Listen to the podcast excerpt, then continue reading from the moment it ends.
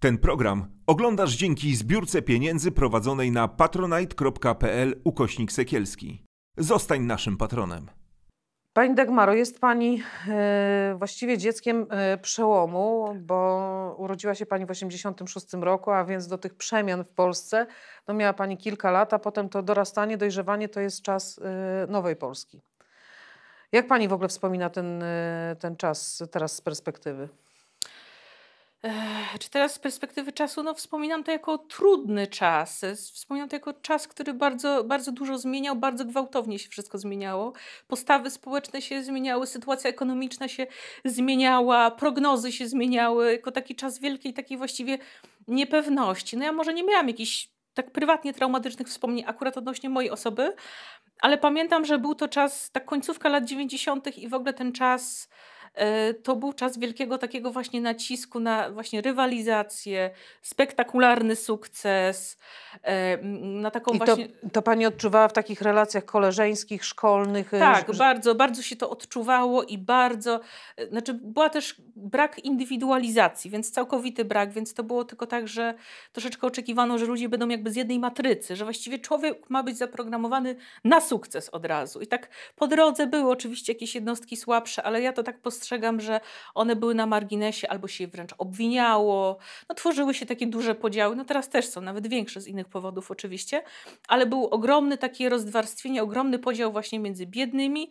a zamożnymi i właściwie głównie mówiło się o tym, jak zdyskontować no, sukces transformacji, bo w mniemaniu większości to był sukces, jak to zdyskontować. No i wytworzył się w moim, tak ja to odczuwałam, taki podział na właśnie tych, którzy zdyskontowali, czyli coś osiągnęli, jakąś stabilizację i na tych, którzy niestety, którym się nie udało, ale to oczywiście jest ich wyłączna wina i w związku z tym spotykała ich taka no pogarda, lekceważenie. Tak, tak to odbieram. Mhm. E, pochodzi Pani z Wielkopolski, tak. z, z Piły. Tak. E, I w Pani rodzinnym domu e, to jest miasto. Ta, tak. ta przemiana transformacyjna, czyli w ogóle zmiana ustroju, ale też i podejście do gospodarki, do, do codzienności. W ogóle jak, jak to wyglądało w Pani domu? To znaczy, to myślę, że to jest tak, że wszyscy się musieli do tego po prostu dostosować. Myślę, że było bardzo trudno, bo pamiętam, że to były bardzo trudne czasy. Myślę, że wszyscy byli bardzo raczej zabiegani, zafrasowani właśnie. Wszyscy żyli w pędzie, martwili się bardzo, czy była taka wieczna atmosfera właśnie jednak takiej niepewności. To bardzo jako dziecko pani to tak odbierała? Tak odbierałam to, ale to nie było jakby zawinione przez, przez tych ludzi. Po prostu taka była atmosfera, taka była sytuacja. Duża niepewność, y, duża taka niestabilność. Tak jak mówię, ja żadnej traumy nie przeżyłam. Ja tutaj akurat nie mogę narzekać. W sumie uważam, że w miarę szczęście miałam, mogę powiedzieć, ale myślę, że po drodze naprawdę mnóstwo ludzi zaginęło, tak mogę powiedzieć, zagubiło się, zostało w tyle e, i myślę, że to jest też właśnie wielka strata jednak dla kraju. Był duży właśnie eksodus też właśnie ludzi młodych, ludzi w średnim wieku. Ja myślę, że właśnie dużo tych ludzi Polska jednak straciła i to jest właśnie wielka szkoda. No dzisiaj z perspektywy czasu wydaje mi się, że jednak można było inaczej, inną strategię obrać, żeby, żeby, żebyśmy po prostu zdyskontowali ten sukces, ale jednocześnie, żeby nie było takich dużych strat, bo te straty były za duże. Zresztą to się teraz na nas jednak powoli mści, patrząc na prognozy na przykład yy, przyszłe to widać, że po prostu brakuje. Będzie brakować tych ludzi. No tak, pani dziewczyna e, z, z miasta, w którym momencie e, napotyka pani w swoim życiu oto taką historię, o której nie ma pani pojęcia, że jest coś takiego jak były PGR? No to właśnie było w szkole, to właśnie... To była szkoła podstawowa? Czy to, to było już gimnazjum z tego co pamiętam, tak wydaje mi się, że to było już gimnazjum. No właśnie tutaj spotkałam mnóstwo dzieci z takich okolicznych właśnie PGR-ów. I to było pierwsze takie moje właśnie spotkanie z tym. Ja oczywiście byłam dzieckiem, nie miałam absolutnie pojęcia, czym jest PGR, ale jednak czułam, że w ustach większości, że to jest jednak coś pejoratywnie tak to brzmiało. Jednak większość osób mówiła o tym PGR. Z pogardą. Tak, z pogardą, z lekceważeniem. A ja jako dziecko, no to wiadomo, no dziecko, no nie byłam przenikliwa tak może do końca, więc tak też nie zdawałam sobie sprawy. Myślałam, że to jest jakaś wręcz zbrodnia po prostu być z PGR-u, no bo byłam dzieckiem, prawda? I rzeczywiście spotkałam się z lekceważeniem, z takim marginalizowaniem właśnie, yy, właśnie że ktoś jest z PGR-u, no ona jest z PGR-u, a wiesz, ona jest z PGR-u, słuchaj, ona jest z PGR-u, tak ktoś się nawet konfidencjonalnie tak pochylał, mówił, wiesz, ona jest z PGR-u. Mhm. I że to, ja myślałam, że to jest coś strasznego. No i wtedy też to był, to był swego rodzaju każdy czas ma swoją, można powiedzieć, taką propagandę, tak jak dzisiaj mamy, mieliśmy wcześniej. Moim zdaniem wtedy była taka właśnie propaganda, że, że ci ludzie są źli, że ci ludzie są sami sobie winni, e, że oni nie zdyskontowali właśnie tego sukcesu, e, że właściwie to nie ma co się nimi przejmować i taki, no taki trochę właściwie darwinizm społeczny można było powiedzieć. I, i właśnie pierwszy raz w tej szkole się to spotkałam właśnie z określeniem no, dzieci z PGR-u. Mhm. Pamiętam, bo tu też jest ten moment, w którym e, chcę powiedzieć Państwu, jak z Panią Dagmarą się spotkałyśmy, bo myśmy się spotkały w świecie wirtualnym. Tak. Pani napisała do mnie na Messengerze e, bardzo przejmującą e, historię, kiedy właśnie Pani po raz pierwszy się spotkała z tym, z tym PGR-em w tym społecznym e, mm, aspekcie i kiedy miała Pani do czynienia właśnie w tym czasie e, gimnazjalnym, gdzie nagle trafiły do jednej szkoły dzieci z okolicznych miejscowości były tak. do, dowożone i były tam dzieci z byłych e, PGR-ów i to było dla mnie tak traumatyczne doświadczenie, ten, ten, ten Pani list, że właściwie te dzieci były traktowane zarówno przez kadrę nauczycielską, od razu były gorzej traktowane, że ksiądz e, w, szkole również je e, gorzej traktował, że to były dzieci, które najczęściej były głodne, że były naznaczone, wykluczone przez swoich e, rówieśników. No myślę, że myślę, że tak było. Ja też myślę, że byłam dzieckiem, nie byłam, dzisiaj byłabym bardziej przenikliwa, być może więcej bym zauważyła. Nie słyszałam, na pewno będąc w szkole, nie słyszałam, żeby była jakaś systemowa pomoc. Nic takiego do mnie nie docierało. No pamiętam, że też pamiętam, że te dzieci by- były jednak różne. No oczywiście był jakiś tam procent dzieci, którym po prostu no nie można było niestety pomóc, bo po prostu było to niemożliwe, ale ja myślę, że ponad połowa, jeśli nie więcej, myślę, że były to dzieci, które. Myślę, że tym dzieciom można było pomóc. Myślę, że można było im wskazać jakąś drogę, pomóc im chociażby w tym, żeby po prostu nie chodziły głodne, no bo to jest jednak, no to jest wstyd, że pochylamy się nad, przykład nad głodem dzieci w Afryce, a nie myślimy o tym, że u nas dzieci chodziły po prostu głodne przez wiele tak naprawdę lat. I no jednak Pani pamiętam. widziała, te, pani widziała te obrazy? No, Widziałam, widziałam. To znaczy, ja mogę powiedzieć na przykład, y, domyślam się, że większość z nich chodziła głodna, ale no pamiętam, że moja koleżanka chodziła głodna, jedna z moich koleżanek właśnie w szkole i, i pamiętam, że po prostu siedziała na lekcjach, nie mogła się na przykład, na przykład skupić na lekcji i nie wiem, jak dzisiaj wygląda w szkole, ale wtedy w szkole wszystko było takie, takie proste, tak? Że nauczyciel oczekiwał tylko tyle, że, że uczeń będzie wszystko umiał i że będzie funkcjonował po prostu jak w zegarku, a to nie jest takie proste, niestety oczywiste. I pamiętam, że ta dziewczyna przychodziła do szkoły głodna, że łapała się na przykład za brzuch, że na przykład płakała. Pamiętam, że na przykład tak ze wstydem mi mówiła, że po prostu nie ma kanapki, czy może ja jakąś kanapkę mam. No oczywiście miałam, więc to normalne było, że się człowiek dzielił, jak wiedział, że, że ktoś jest głodny. Ale jednak y, właściwie o tym się nie mówiło, a ja myślę, że jednak duża część ludzi no, wiedziała, że to dziecko jest głodne, że ona po prostu chodzi głodna. Pamiętam chyba, że jakaś pani ze świetlicy jej tam trochę pomagała i, i być może też jakoś dzięki temu sobie radziła, ale generalnie nikt nie zwracał na to uwagi. Ona chodziła blada często, y, źle się często czuła, nie mogła się skoncentrować, więc no jednak widać było, że ma problem. a Też nie słyszałam. Ona była jakby rozliczana tylko z tego, co umie. Czy jest przygotowana na przykład na lekcję, czy, czy na przykład e, napisała pracę domową. Właściwie to tylko to, bo właściwie były tylko oczekiwania, a nie było tak naprawdę pomocy żadnej. Nie przypominam sobie. Może dzisiaj jest inaczej, ale, ale wtedy tego nie było po prostu. Ale mówiła Pani też w tym, w tym liście, znaczy mówiła, napisała Pani też w tym liście bardzo przejmujące zdania, że wiele z tych dzieci miało ogromny talent yy, i nikt właściwie tego talentu nie zauważał, bo, bo uważano, że te dzieci nie zasługują na nic yy, yy, lepszego. Po prostu mają Mhm. zostać w tym byłym pegierze i tam yy, prowadzić ten żywot no, właściwie ludzi wykluczonych. Znaczy ja pamiętam, że, że na przykład y, no był jakiś taki podział, że na przykład dzieci rodzin z klasy średniej, tak? czy na przykład dzieci rodzin postpegerowskich i moim zdaniem y, d- dzieci były różne. Niektóre miały talent, na pewno pamiętam, że miałam taką właśnie koleżankę, która była główną w ogóle postacią, z którą najbardziej kojarzę właśnie PGR, no to ona miała właśnie duży talent do takiej właśnie gimnastyki artystycznej no i w ogóle była bardzo usportowiona. Widać widać było, że ma potencjał, tylko mm, no problem był w tym, że nikt się tym nie zajął, tym talentem. Ona była dzieckiem, nikt jej tej drogi nie wskazał. No i pamiętam, że jednak tak mnie uderzyło, że właśnie ona marzyła o jakiejś szkole sportowej. Ja nie wiem, czy to było możliwe do zrealizowania, ale, ale chodzi o to, że nikt jej tak nie dopingował, żeby może spróbowała, prawda? Że chociaż może się nie uda, ale może trzeba spróbować po prostu. No tak, ale też dyskredytowano, się. kiedy powiedziała o tym, prawda? No właśnie została tak zdyskredytowana, no nauczycielka, tak pamiętam, powiedziała, powiedziała wprost, no ty już, no może nie dosłownie to, ale daj do zrozumienia, że to już jest za późno, żeby, żeby po prostu zaczęła, że to już jest za późno na szkołę sportową, że nie jest na tyle, e, mm, że nie ćwiczyła na tyle długo, żeby tam móc się dostać. A ja myślę, że no powinna ją jednak mm, zdopingować, tak mi się wydaje. Może wskazać jakąś drogę, może należało, żeby jakiś nauczyciel, nie wiem, porozmawiał na ten temat, może z jej rodzicami, może należało jakieś stypendium przyznać. Nie wiem, po prostu, no ja byłam dzieckiem, niewiele mogłam zrobić, ale ja myślę, że to jednak dorośli byli od tego, żeby coś po prostu wymyślić i pomóc jej. No tak, spotkała Pani na drodze e, osoby e, z miejsc, o których Pani nie miała e, pojęcia, że one w ogóle istnieją, Tak, funkcjonują tak. i że, że są bardzo mocno zakorzenione w polskiej e, rzeczywistości.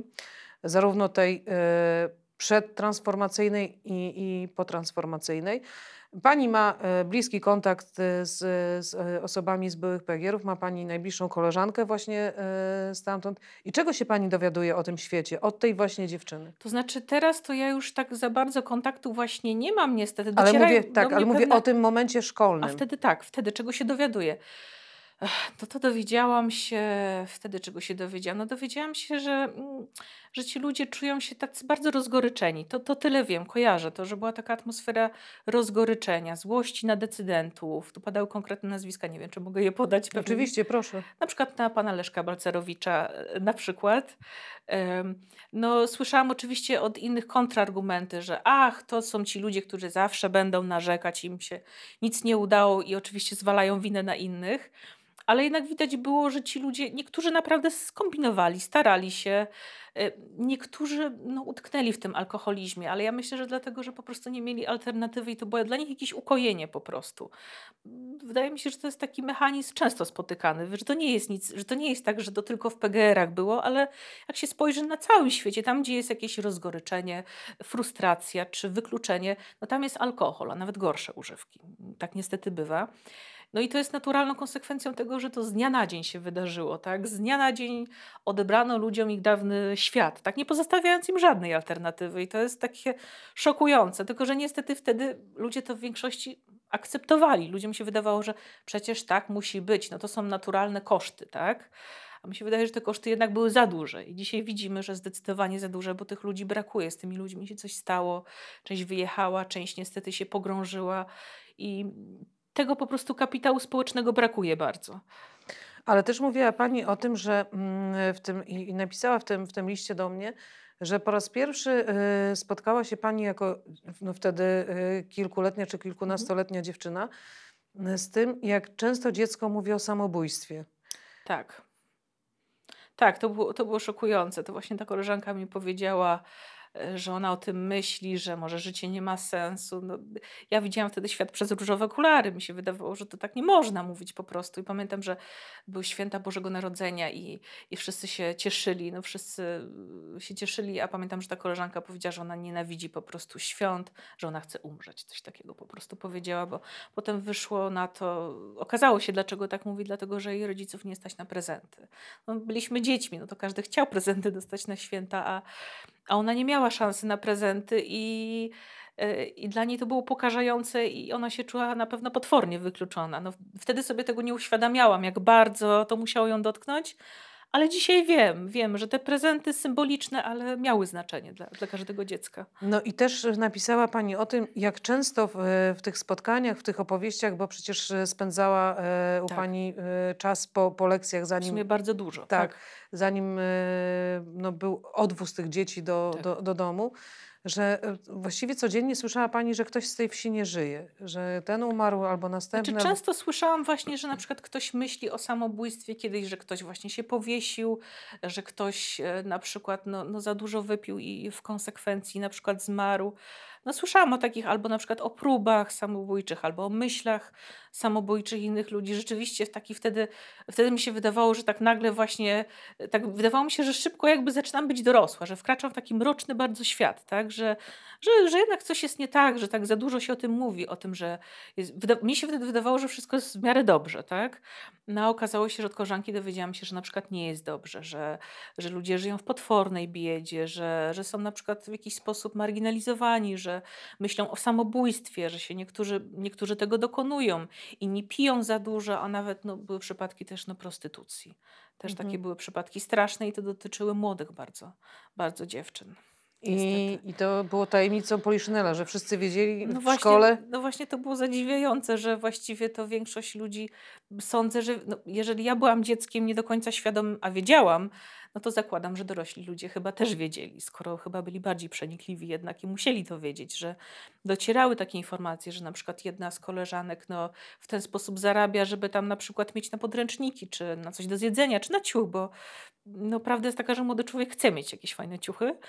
No i w ten sposób y, no, że tak powiem, zarabiała. Na przykład, a miała wtedy bodajże 14 lat, więc to była jeszcze dzieckiem, nie powinna tego robić. I, i właściwie żadnej, no tajemnica Poliszynela, właściwie to nikt chyba nie zareagował, nie słyszałam o tym właśnie. I pamiętam, że ta dziewczyna no, jakimś takim była wręcz pośmiewiskiem, że, że, że taka, wszyscy traktowali ją jakby taką osobę upadłą, a przecież ona była dzieckiem, po prostu była dzieckiem i trzeba było jej pomóc. I to było kompletnie niezrozumiałe dla mnie właśnie. No ale zdanie, które wstrząsnęło mną najbardziej, to zdanie, które pani napisała w, tej, e, w tym liście, że mm, dorośli, y, nauczyciele mówi, no świat jest taki, że nie wszystkim, no nie wszyscy sobie w nim poradzą, po prostu. Nie wszyscy sobie w nim poradzą, tak, tak. Właśnie często takie zdanie, no niestety, no nie każdy sobie poradzi, tylko że tylko, że tym ludziom zabrano cały świat, a nie podano nawet wędki. I to jest problem. To, to już jest niesprawiedliwe, niestety. Często właśnie to, był, to były czasy takiej bardzo ostrej rywalizacji, e, bardzo takie dynamiczne czasy. Tak, tak ja to kojarzę i takie czasy, kiedy tak naprawdę no, tysiące ludzi się jednak wykluczyło i te tysiące ludzi gdzieś e, właściwie nie wiadomo gdzie. Niektóre pewnie też z biedy być może, e, być może wyjechały, być może nawet nie żyją. I, a ja myślę, że tak naprawdę wystarczy wystarczyło tylko trochę im, chociażby trochę im pomóc. I, i, myślę, że byłoby lepiej, bo, bo ja myślę, że nawet chociażby jeden ciepły posiłek dla tych dzieci w szkole, to myślę, że to nie jest dużo, prawda? To, to nie jest. Ja myślę, że. Skoro... No tak, ten obraz, który pani opisuje, że dzieci, których rodziców było stać na wykupienie obiadu w szkole jadły, a tych, których nie było stać, po prostu stały po głodne. Po prostu stały głodne. No tak niestety było. Nie wiem, jak jest dzisiaj, ale mogę powiedzieć, że wtedy tak było, że niestety jakiejś systemowej pomocy nie było. Dzieci były głodne i wszyscy traktowali to jako taki stan właściwie no oczywisty. No tak jest, trudno. No nie każdy, e, nie każdy zje obiad, no niestety, no niektórzy sobie nie poradzą. No trudno. Takie są koszta. Cały czas słyszałam, że to jest okres transformacji. No i takie są koszta niestety. No ale mhm. trochę dłużej jednak te koszta były moim zdaniem. Czy wybór e, polonistyki, bo skończyła mhm. Pani polonistykę, był też w jakiś sposób podyktowany tym, że chciała Pani może wrócić do szkoły i, i być edukatorką mhm. e, kolejnego pokolenia? E, w sumie nie wiem, no po prostu chyba to był wybór tego, co chyba umiem najlepiej, co wydawało mi się, że najlepiej robię, po prostu. Nie wiem, chyba nie myślałam tak bardzo o tym, żeby zbawiać świat, czy, czy właśnie uczyć innych. Trochę, trochę się wręcz bałam uczyć. Po prostu wydawało mi się, że to mi akurat przychodzi najłatwiej, tak dlatego. Mhm. A poza tym chyba też byłam taka trochę zagubiona i to chyba tak akurat wybrałam. Tak mi się wydaje. Mhm. Czyli lubi Pani książki? Tak. I to tak. był ten. Y, tak, i to był, to był właściwie ten powód główny, tak mhm. naprawdę. Właśnie, mówiła Pani o tym, że pożyczała Pani też książki. Y, tak, właśnie pamiętam, że tej koleżance pożycz, pożyczyłam książkę i, i to chyba się tak nie spotkało z dobrym odbiorem akurat tam właśnie jej otoczenia. Chyba tak wszyscy byli zdziwieni, że ta koleżanka czyta książkę i to był chyba akurat Gabriel Garcia Marquez, tego co pamiętam nawet, mm -hmm. więc to było takie zdziwienie i chyba tak też e, jakoś tak e, mi się wydawało, że w ogóle również ci ludzie, niektórzy ludzie z PGR-ów chyba też niestety sami zaczęli tak siebie postrzegać, tak samo jak ich otoczenie traktuje.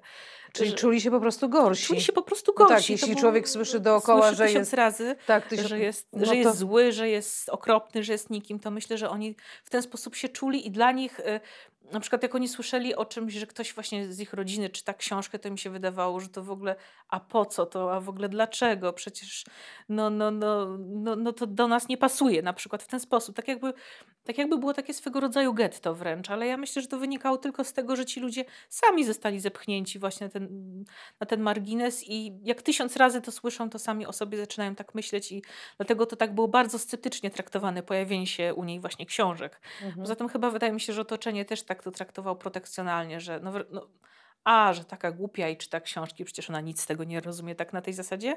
A mi się wydaje, że jednak ona była taką osobą dosyć bystrą, chłonną i miała jakieś luki w edukacji, no bo nikt się też o nią nie troszczył, to trudno się dziwić, ale mi się wydaje, że ona lubiła jednak te książki i że, że, że właśnie przyswajała je w To jakiś też sposób. jest ciekawe, co pani mówi, bo z kolei moje pokolenie to było pokolenie, mm, które uwielbiało książki. Zresztą mieliśmy dostęp, e, byliśmy w tej uprzywilejowanej sytuacji, że no, była szkoła blisko, Mhm. że była biblioteka szkolna, że można było te książki Mhm. wypożyczać i wiele osób, z którymi się spotykam właśnie z byłych państwowych gospodarstw rolnych, Mhm. e, którzy są moimi rówieśnikami, no to było też takie podróżowanie trochę Mhm. w świecie Tak. tej książki, przenoszenie się zupełnie w inne e, rewiry i takie fantazjowanie. I to było bardzo, bardzo przyjemne. I czytaliśmy mnóstwo książek. Co ciekawe, m, większość z nas, e, spotykając się właśnie w różnych regionach w Polsce, twierdzi, że Dzieci z Bullerbyn to jest książka o nas, Mhm. prawda? Bo my jakby ży- żyliśmy raz, że bardzo blisko przyrody, a poza tym te usytuowanie i ta, ta architektura PGR-ów, no to zawsze była jakaś zagroda północna, zagroda południowa, więc Mhm. każdy z nas się czuł trochę jak Lasse, Bosse, Ole i tak dalej. Mhm. E, Jest Pani teraz od kilku lat e, w Warszawie. To już tak od w sumie wielu lat jestem w Warszawie. Mhm. Teraz uciekłam chwilowo na Mazury, bo, bo, no bo jednak trochę ciężko się żyje w Warszawie w tej dobie pandemii. Trochę. Ja jestem wolnym duchem i, i, i po Mhm. prostu bardzo ciężko mnie zamknąć. Y, y, Przeraża mnie to i po prostu jednak musiałam uciec i żeby chodzić chociażby codziennie do lasu na jakiś czas. No tak, prostu. na Mazurach też może Pani e, tych państwowych, byłych państwowych gospodarstw rolnych było najwięcej w Polsce, więc e, ten Tak, widok to jest nawet dosyć... mijałam właśnie Mhm. często po Warmii, gdzieś podróżując właśnie na Warmii, e, na Mazurach, więc mijałam właśnie wiele takich gospodarstw.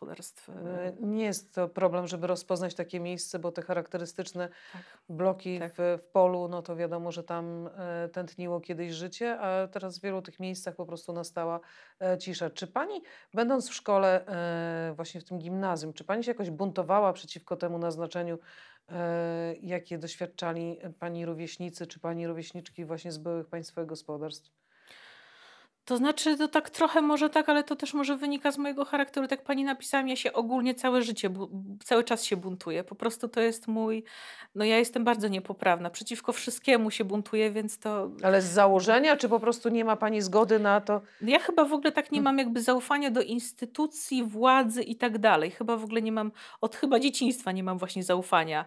Ale może to też ma pośrednio z tym właśnie związek, bo jednak zauważyłam, że coś, jest, coś mi zgrzytało, jak byłam dzieckiem jednak. Coś było nie tak. Wyczuwałam jakiś, że to jest dziwne, że tak nie powinno być, że przecież to jest nie fair. Tylko, że no jako dziecko tego nie artykułowałam, a jednak większość osób z otoczenia to tak podchodziła do tego obojętnie, więc to ciężko też było no ja się na pewno buntowałam, jak na przykład y, jacyś tam koledzy zaczęli koleżankę przezywać na przykład. No to wtedy ode mnie też usłyszeli tak odpowiednie. No, No, ale jakie to były właśnie? To jest ciekawe, jakie, bo to każde pokolenie ma swoje przezwisko, e, a ci z, z właściwie to są ciągle te same, już one od pokoleń są te, te przezwiska. To znaczy, no tych przezwisk było dużo, ale jakieś takie przezwisko typu na przykład głupia, że głupia często powtarzali, że na przykład wieśniara. Mhm. Takie, te, te dwa pamiętam na pewno, tak? I więc wtedy ja się buntowałam i, no i pamiętam, że kiedyś przylałam koledze też.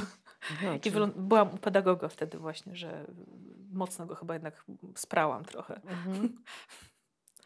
Ale no po prostu y, były takie przyzwiska, y, ale przede wszystkim to w ogóle ludzie tak udawali, jakby trochę oni nie istnieli, bo właśnie ta koleżanka, która no, zarabiała w taki, a nie inny sposób, no to ona była traktowana jako osoba po prostu wręcz upadła. To po prostu tak jakby ludzie się wręcz jej brzydzili. No, Mhm.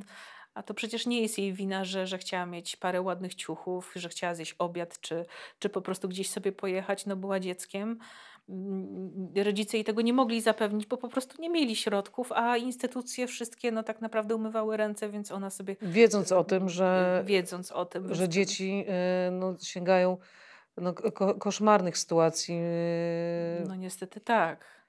Tak, i to wszyscy traktowali, że to jest oczywisty podział, że ci z PGR-ów plus ci, którzy e, zdyskontowali ten sukces transformacji, że to, ten podział musi być, że to jest konieczność, że po prostu inaczej się nie da. I tak jakby najlepiej zbudować mur między tą tak zwaną normalną częścią społeczeństwa, a ludźmi z PGR-ów, że to jest takie normalne. I wszyscy właściwie tak, e, tak naprawdę w taki sposób byli jakby wychowywani, kształceni i w taki sposób wszyscy rozumowali. Dopiero można powiedzieć, że jakieś ostatnie lata widzę, że się dużo właśnie w tej sferze zmieniło, że tak e, właśnie docierają do mnie informacje, że, że właśnie, mm, że na przykład ludzie z dawnych PGR-ów e, też tak naprawdę wcale nie popadają już w alkoholizm, że już radzą sobie na przykład lepiej, że już stają się bardziej tak jakby mm, mm, są może nadal dyskryminowani, ale już dużo mniej, bo ta świadomość społeczna się bardzo, bardzo zmienia, że już ludzie może... bardziej właśnie doceniają to, że są ludzie z różnych środowisk, że w ten sposób można się więcej od siebie nauczyć i, i, i myślę, że już jest dużo lepiej dzisiaj.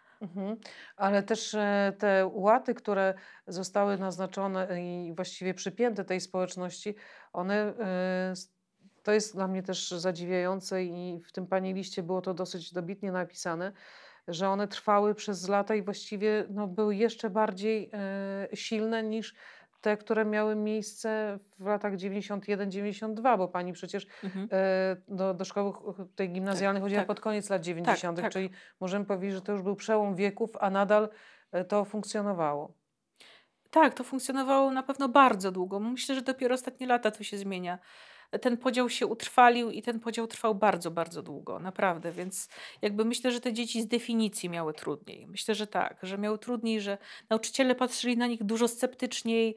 E, inne dzieci też już były jakby uświadamiane, że to jest ten gorszy, albo że trzeba do niego podchodzić z rezerwą, tak? Więc te dzieci inne też niekoniecznie chciały się z nimi kumplować, więc te dzieci z definicji miały gorzej. To myślę, że trwało, myślę, że to trwało wiele lat, myślę, że więcej niż dekadę nawet. Nikt się nie zastanawiał, jakie to może mm, nieść konsekwencje i spustoszenie w, e, w psychice e, takiego młodego człowieka, no właściwie stojącego tuż u progu prawda, e, swojego, swojego życia. Mm. To, czego nie znosiłam mm, i to, co też słyszę od wielu, że najbardziej trudnym takim momentem klasowym takiej społeczności klasowej były tak zwane paczki mikołajkowe kiedy no, był ustalany budżet, w jakiej tam kwocie trzeba się zmieścić i mhm. kupić e, prezent. Czy u Pani też takie były sytuacje? No właśnie była taka sytuacja, właśnie te sytuacje, które dotyczą właśnie spraw materialnych, no to bardzo właśnie, to były takie najbardziej znamienne. No pamiętam właśnie taką sytuację, kiedy byłam w szkole, że robiliśmy sobie właśnie takie paczki, mieliśmy jakiś tam budżet określony i moja właśnie koleżanka też miała komuś tam zrobić paczkę. Zależało jej, żeby ta paczka była ekstra. No oczywiście wiadomo, nie miała pieniędzy. No i pamiętam, że poszłyśmy na zakupy i wybrałyśmy, już nie pamiętam dokładnie co, czy to była jakaś rzeźba mała, nie wiem, jakaś figurka, coś takiego pamiętam, że wybrałyśmy. No i pamiętam, że właśnie taki był moment, to chyba było w klasie otwieranie tych prezentów i pamiętam, tak. że kiedy kolega otworzył ten prezent, prezent, to po prostu wybuchnął gromkim śmiechem, a wraz z nim koledzy. I w sumie była przy tym nauczycielka i nie zareagowała. I to też było takie nie w porządku, tak, no bo dziewczyna naprawdę zależało jej bardzo, żeby e, dla niej to było takie bardzo ważne, że właśnie, że, się, że, że, że dostanie taką akceptację ze strony reszty klasy, że też e, powiedzmy zrobi coś, coś takiego, co ją, można powiedzieć, to miało taki wymiar bardziej właśnie społeczny, takiego uspołecznienia i, i niestety spotkała się z taką właśnie pogardą, w sumie obojętnością też. Ostracyzm, śmiech i właściwie ta nauczycielka też specjalnie nie zareagowała, też nie potrafiła na ten temat porozmawiać, wyjaśnić, że tak po prostu nie powinno być. E, Uważam, że robienie tych prezentów reakcji. do tej pory to jest e, jedna z takich historii, która zawsze była dla mnie e, przykrym doświadczeniem, bo przecież dzieci, które których rodziców nie było stać nawet na ten budżet, no dzisiaj dajmy 20 zł, e, nie powinno w ogóle takich rzeczy być e, w tej społeczności, bo wszystko co materialne potrafi potwornie e, dzielić i wykluczać no, z, z tego najbliższego grona, czyli grona, grona klasowego. Tak, i tak, tak też się stało. To niestety bardzo podzieliło. Niestety bogatsze dzieci robiły lepsze prezenty, biedniejsze, no trochę gorsze i to niestety były podziały, ale jakoś trochę mnie dziwi właśnie reakcja przede wszystkim nauczycieli, którzy w ogóle właściwie na to nie zwracali uwagi i tego, tego nie potrafię zrozumieć. To było gdzieś głęboko zakorzenione w świadomości ludzi w tamtych czasach, że właściwie najważniejszy jest tylko, tylko sukces tak naprawdę. I niestety nic po drodze innego się chyba za bardzo nie liczyło właśnie. Mhm. Niestety. Zastanawiałam się właśnie nad tym listem, który pani do mnie napisała. Skąd w ogóle po, to bardzo mocno w pani się działo przez lata? To znaczy, no, wydaje mi się, że trochę tak, że jednak no, widziałam to i jednak czułam, że to jest takie niesprawiedliwe. Może nie myślałam o tym nieustannie, ale jednak, y, no, jednak często docierają do mnie gdzieś głosy, że odnieśliśmy sukces, spektakularny sukces, że wszystko jest wspaniale, więc wtedy jednak powracają te wspomnienia, że y, odnośnie tego, że jednak bardzo dużo, bardzo dużo można powiedzieć straciliśmy, tak? Nie wiem, czy ten sukces jest spektakularny, ale na pewno ponieśliśmy druzgocącą wręcz stratę. Tak, tak moim zdaniem to wygląda. E, ciągle przypominam te liczby, że blisko 500 tysięcy mm, osób pracowało w byłych państwowych gospodarstwach rolnych. Z rodzinami była to dwumilionowa grupa społeczna, która de facto e, politycy stworzyli taki sierociniec transformacji, uważając, że to jest cena transformacji, że skoro nie było mm, przy zmianie ustroju rozlewu krwi, no to, to musi być e, cena. I, i Tak. ta największa cena została zapłacona właśnie przez byłych pracowników e, państwowych gospodarstw rolnych i ich rodziny. I do tej pory ci ludzie nie do, doczekali się e, żadnych zadośćuczynień, odszkodowań, właściwie przeprosin Mhm. za to, co, co, się, co się stało. To znaczy, no tak y, z tego co pamiętam, to chyba w Czechach to nieco inaczej rozwiązano. Chyba No tak, y, wielu, troszeczkę bardziej tak, wielu, wielu, zdroworozsądkowo tak, jednak. W dawnym e, NRD e, również no w Polsce odbyło się to w sposób bardzo szybki, bo przecież e, 91 rok to wejście w życie ustawy, 93 właściwie zlikwidowanie ostatniego państwowego gospodarstwa rolnego, a tymczasem już w 95 roku, kiedy Lech Wałęsa ubiegający się o elekcję mówił o skutkach i właściwie tym dramacie, który się stał i mam o to żal, że już wtedy nie podjęto żadnych działań, kiedy było wiadomo, jakie są koszmarne skutki i że one będą e, szły z pokolenia na pokolenie. No tak, i właśnie t- to jest bardzo znamienne i to takie jest najbardziej niepokojące, że właśnie to była doba niepewności, tego, że z dnia na dzień coś się skończyło, że z dnia na dzień odebrano ludziom świat, y, y, odebrano ludziom środki właściwie do życia, tak można powiedzieć. I to się stało praktycznie z dnia na dzień. Ci ludzie nie mieli alter- alternatywy i no to mi nieco przypomina dzisiejszą sytuację. Mm, Z tym, że właściwie z dnia na dzień zamyka się jakieś branże. Oczywiście tego się nie da porównać, y, ale z dnia na dzień zamyka się jedną branżę, z dnia na dzień drugą, więc kolejne grupy społeczne zostają właśnie na marginesie, tak? Kolejne grupy społeczne zostają pozbawione bez środków do życia i to wszystko dzieje się nagle i znowu tworzą się podziały. I to właśnie ten mechanizm, który był wtedy, dzisiaj troszkę go też obserwuję. Tak bym mogła trochę to porównać, że jednak z dnia na dzień ludzie się dowiadują, że muszą zamknąć firmę. Na nie wiadomo jak długo, nie wiadomo jeszcze czy na rok, czy na dwa lata, czy może na pięć lat. Tak naprawdę tego ludzie nie wiedzą. I, y, I to jest ta właśnie atmosfera tej niepewności i podziałów, i w tej atmosferze te podziały będą się tworzyć i będą coraz większe, tak? ponieważ jedna grupa może normalnie działać, normalnie działać, normalnie żyć, no, w jakiś tam sposób bogacić się, a kolejna, a na przykład następna grupa niestety nie może. Niestety musi żyć w zamknięciu, e, w izolacji pewnej, nie może pracować. Na przykład dzieci z dnia na dzień dowiadują się, że no nie, nie będą chodzić do szkoły, też nie wiadomo jak długo. I to mi właśnie trochę przypomina tę sytuację i też dlatego właśnie e, no, ja myślę, że ja się trochę przeciwko temu buntuję, bo to jest właśnie to, co było wtedy. To wszystko się wydarzyło nagle z dnia na dzień i pozostawiło dużą wyrwę i też się właśnie boję, że to, co się dzisiaj e, dzieje, że też pozostawi ogromną wyrwę i znowu pozbawi nas na przykład tysięcy ludzi, tak? Że znowu tysiące ludzi na przykład Ich wyjadą. kompetencji, takich kompetencji, e, ich umiejętności, które są społecznie, które są społecznie bardzo potrzebne, bardzo które potrze- m- można, wręcz trzeba zagospodarować. To jest konieczne dla, dla nas wszystkich. Właśnie ja się boję, że znowu będzie to, co było wtedy, że jakiś taki kapitał społeczny nie zostanie zagospodarowany i, i niestety zniknie znowu z naszego kraju, pozostawi ogromną wyrwę, bo ludzie są najważniejsi. I, I niestety, że się wydarzy coś trochę podobnego, tak? Albo ludzie, zosta- albo ludzie wylądują na marginesie, bo dzisiaj też są czasy takie, że niestety ludzie biedni stają się jeszcze bardziej biedni, a ludzie horrendalnie bogaci jeszcze bardziej bogaci. E, No tak, i, a politycy wybiorą sobie taką grupę, która będzie im tylko i wyłącznie politycznie potrzebna i tej grupie pomogą, tak jak było to w latach e, 90. Było wiadomo, kogo się politycy boją, prawda? Kto pali opony, kto e, robi rozruby i wtedy mm, taki, mm, no, klasa polityczna e, ma przed taką grupą respekt, a ci, którzy są słabi, są po prostu idą w zapomnienie. Ja kiedyś powiedziałam, e, kiedy nastała pandemia, no ta sytuacja mm, też pokazuje, że te nowe terminy, które wchodzą do naszego języka, jak kwarantanna, że wobec ludzi z byłych państwowych gospodarstw rolnych ta kwarantanna polityczna trwa już trzy dekady. Tak. Buntuje się Pani przeciwko tej rzeczywistości. W pandemii postanowiła Pani wyjechać e, na Mazury e, i tam e, oddychać. I, Trochę oddychać, tak, Mhm. bo trochę, trochę jednak się boję tej rzeczywistości. Mnie trochę, trochę mi przytłoczyła i też właśnie przypomniała mi, przypomniała mi niestety właśnie to, co było kiedyś. Bardzo sobie właśnie teraz to sobie wizualizuję i przypominam. Takie mam wrażenie, że powracam do przeszłości. I właśnie często to nawet mówię w rozmowach, że mam wrażenie, że wracam do lat 90. Mhm. I właśnie bardzo się tego, bardzo się tego boję. Ale czy Pani pokolenie, Pani rówieśnicy y, mają podobne odczucia, że to jest właśnie ten czas y, powrotu do lat 90., do jakiejś takiej dzikości y, i, i no, właściwie kto, kto może, no to ten przetrwa, a kto jest słabszy, niestety przepadnie. Myślę, że tak, myślę, że tak. Ja właśnie bardzo często słyszę od osób właśnie e, z tych roczników 80-86, że właśnie, że właśnie to im bardzo przypomina tę sytuację.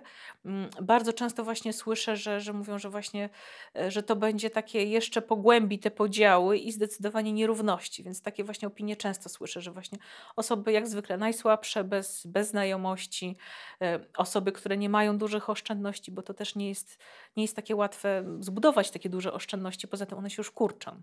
One też po roku, powiedzmy, pandemii na pewno wielu osobom się skurczyły te oszczędności, więc no, no jest takie właśnie przeświadczenie o tym, że ta przeszłość może do nas wrócić i może uderzyć niestety ze zdwojoną siłą i znowu właśnie poczynić duże, duże straty. Jest taki, wiele osób właśnie mi też to powiedziało, że osoby z mojego pokolenia mają właśnie taki lęk, taki strach. No właśnie, na ile nam dzisiaj towarzyszy ten lęk, e, bo lęk, niepewność, to co pani mówi, że z dnia na dzień. Mamy dzisiaj sytuację pandemiczną, a więc e, no, to jest wirus, tak? Walczymy, Mhm. walczymy z niewidzialnym wrogiem, e, żeby te straty były jak najmniejsze, natomiast nie ma czegoś takiego jak systemowe podejście do, do, do Tak. problemu, tak jak nie było tego systemowego podejścia do problemu w Tak. latach 90., że właściwie coś się dzieje z dnia na dzień, natomiast no, dzisiaj jest o tyle sytuacja prostsza, że mamy media, media społecznościowe, że jest technologia, że łatwiej jest o informację, której nie było w latach e, 90. No, do wielu miejsc w Polsce ta informacja po prostu nie docierała. No tak, myślę, że rzeczywiście dzisiaj e, sytuacja jest, to znaczy, ja myślę, że to minimalizowanie strat, e, no nie wiem, nie wiem właśnie, czy to tak wygląda. W moim odczuciu to jest niestety tak, że tutaj większą rolę chyba grają partykularne niestety interesy i według tego jest ta sytuacja w jakiś sposób rozgrywana. Mhm. E, Czy te straty są mniejsze? No, no chyba właśnie nie do końca. Wydaje mi się, że te straty jednak są chyba coraz większe właściwie. Nie coraz mniejsze, tylko coraz większe. I jeszcze oprócz tych strat, które wynikają no, z tego, że niestety ludzie umierają, niestety, na te choroby, jak i również inne, ale też są straty właśnie w postaci, te, w postaci takiej, że po prostu ludzie będą zmuszeni gdzieś na przykład wyjechać.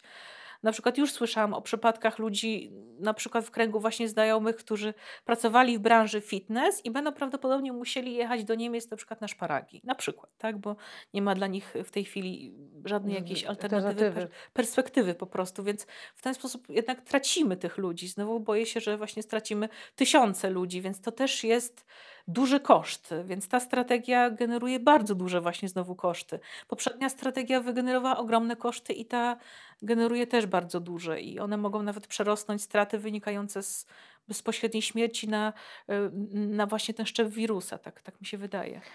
E, Pani Dagmaro, dlaczego Pani postanowiła? Czy to e, było też tak, że ta Warszawa stała się, no ona, ona jednak w, w, takim e, myśleniu daleko od stolicy, no ona była zawsze taką ziemią obiecaną. No przynajmniej ja tak do tego, do tego Mhm. podchodziłam.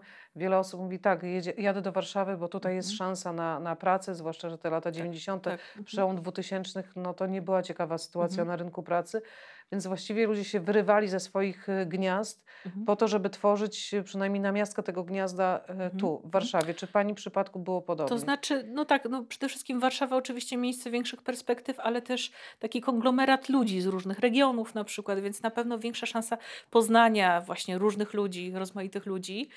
E, I też myślę, że jednak e, większe miasto ma tę wielką zaletę, że tutaj na przykład nikogo nie stygmatyzują jednak, albo coraz rzadziej się z tym w każdym razie spotka, można spotkać, więc to jest na pewno wielka zaleta dużego Przez miasta. anonimowość? Bo Taka anonimowość, właśnie. Tutaj człowiek nie ma łatki, tutaj człowiek czuje się wolny.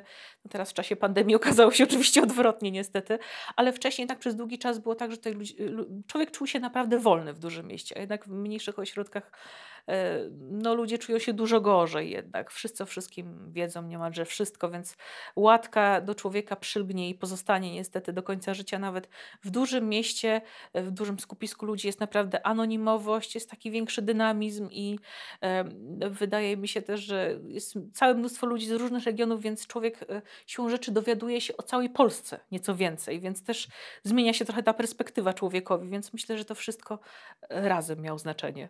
Mhm. Że znalazła się Pani właśnie tutaj. Tak, tak. Mhm.